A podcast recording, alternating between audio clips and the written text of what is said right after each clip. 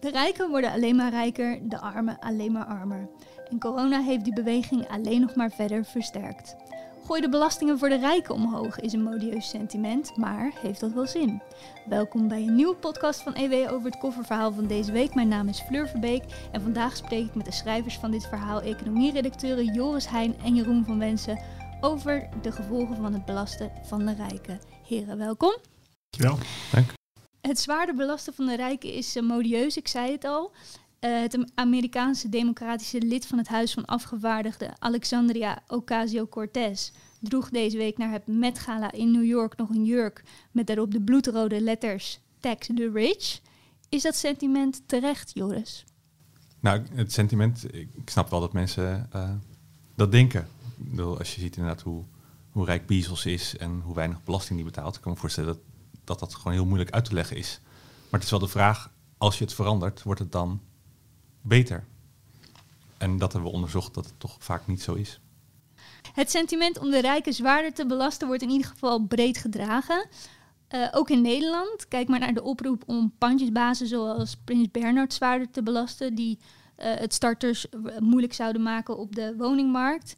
Uh, of bijvoorbeeld de miljonairstaks, dat is een plan van D66. Is zo'n miljonairstaks dan het antwoord, Joris? Uh, nee, helaas uh, niet. Maar wat je wel ziet is dat um, de miljonairstaks gaat om mensen die heel veel vermogen hebben, meer dan 1 miljoen. Die ga je extra uh, belasten. En in de, eigenlijk zie je al de afgelopen jaren heb, hebben die mensen al steeds meer belasting betaald. Um, dus je kan zeggen um, dat werkt, want niemand piept erover. maar heel veel mensen hebben vooral spaargeld. En daar krijg je eigenlijk inmiddels geen rente meer op. Dus die belasting is eigenlijk voor heel veel mensen al te hoog. Dus je kan, het idee is dan belast de werkelijke rendementen. Dus als iemand op de beurs uh, enorm veel rendement maakt, moet je die zwaarder belasten. Uh, daar kan je wel naartoe, maar dan moet je ook de mensen die nu eigenlijk te veel belasting op spaargeld betalen, moet je compenseren.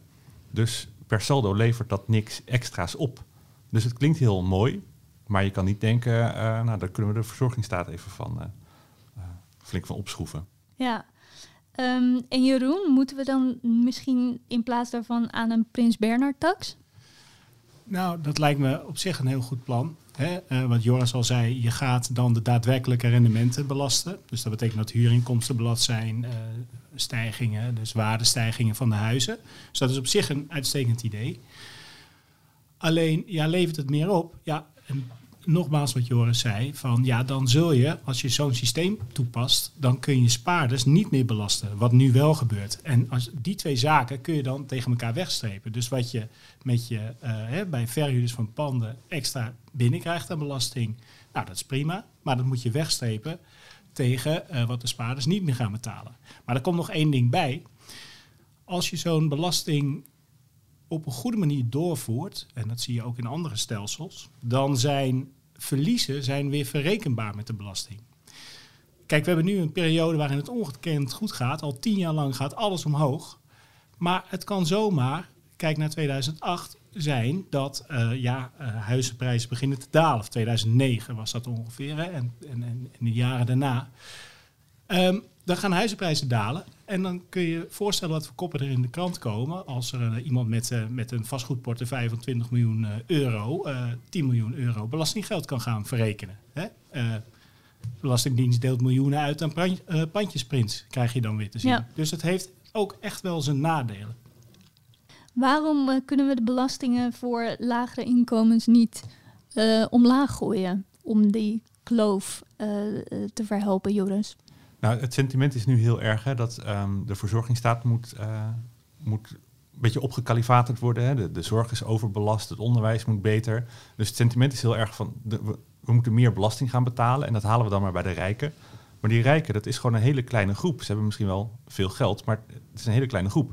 En als je echt meer belastinggeld wil ophalen, dan zul je dat toch vooral bij de, bij de bulk van de mensen, bij de middenklasse moeten halen. Ik bedoel, gooi je de btw omhoog of, of het lage tarief in de in de loonbelasting een procentje omhoog. Daar haal je echt veel geld mee op.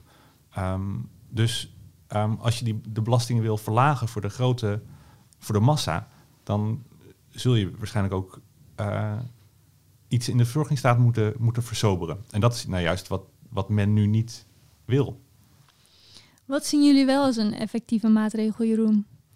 Nou, in de zogeheten box 2 van de inkomstenbelasting zit 400 miljard euro aan vermogen.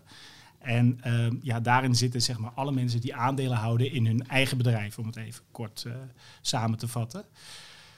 Uh, ik heb ook een voorbeeldje daarvan uh, opgenomen in het verhaal. je zou eigenlijk dat vermogen zwaarder willen belasten. Maar dat is lastig om te doen. Want neem nou even bijvoorbeeld een bakker die heeft een, een, een bakkerswinkel en een bovenwoning waar hij woont. De afgelopen jaren zijn, is die bovenwinkel is enorm in waarde gestegen. Nou, het kan zijn dat in zijn bedrijf dat daar ook de, woning zit. Nou, je, het, werkt niet zo dat uh, in de inkomstenbelasting dat je zo'n waardestijging meteen jaarlijks gaat belasten. Dat doe je pas op het moment van verkoop. Want als dan in een jaar de huizenprijzen zoals afgelopen jaar enorm stijgen, dan zou zo'n bakker bijna failliet gaan aan de inkomstenbelasting die hij zou moeten afdragen. Nou, prima. Duidelijk. Maar stel nou dat die bakker ook een soort e-bakker begint, een een of andere hip tech bedrijf wat het helemaal gaat maken over de hele wereld. En aandeelhouders willen daarvoor, eh, of, of uh, niet aandeelhouders, maar investeerders, die zijn bereid om daar een paar honderd miljoen uh, voor neer te leggen. Ja, moet die bakker dan ook al gaan afrekenen over die e-bakker, over die hippe e-dochter? En dat is een hele lastige vraag. En dat is ook het feit dat, uh, dat Bezos, of Bezos, ik weet nooit precies hoe je het uitspreekt, uh, over zijn 200 uh, miljard dollar, zijn 170 miljard euro ongeveer aan vermogen, nauwelijks belasting afdraagt. Dat hoef je pas te betalen op het moment dat je gaat verkopen. En dat is een beetje hetzelfde principe als bij die bovenwoning van de bakker. En ja, hoe je dat nou precies goed doet, dat houdt ongeveer iedereen uit de slaap, alle ministers van Financiën ter wereld. We gaan richting Prinsjesdag. Um, verwachten jullie dat het kabinet maatregelen aan gaat kondigen op dit thema? Joris? Nou, het is natuurlijk demissionair, dus grootste plannen uh, zijn er denk ik niet. Al heb ik geen idee. Um, maar je zag natuurlijk wel uh, gisteren uh, weer de motie. Het, het zorgpersoneel moet, moet meer salaris krijgen en dan moet er maar betaald worden uit de winstbelasting. Het, sentiment is natuurlijk wel heel erg, laat, ze, laat de rijken of de bedrijven betalen. En dat zag je ook in de verkiezingsprogramma's, niet alleen links, maar ook middenpartijen zoals D66, CDA. Hè, die, die zijn ook voor al dan niet tijdelijke uh, verhogingen. Dus het kan best zijn dat er de komende tijd uh, toch wel wat aankomt in, in, informatie bijvoorbeeld of via moties. Gaan we het terugzien in een volgend kabinet, Jeroen? Uh, ja, we gaan in een volgend kabinet echt wel een aantal zaken terugzien. er wordt veel gesproken over de bedrijfsopvolgingsregeling. Die, dat is dat je een familiebedrijf kunt doorschrijven naar de volgende generatie. Die wordt door velen toch wel als wat te ruim gezien. Dus het zou me niet verbazen als daar wat op versoberd wordt.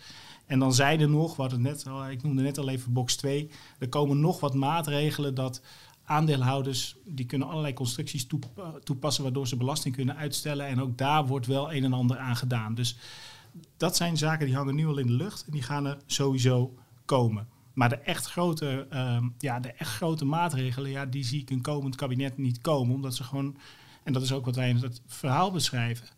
Ja, het is gewoon heel lastig om die in te voeren.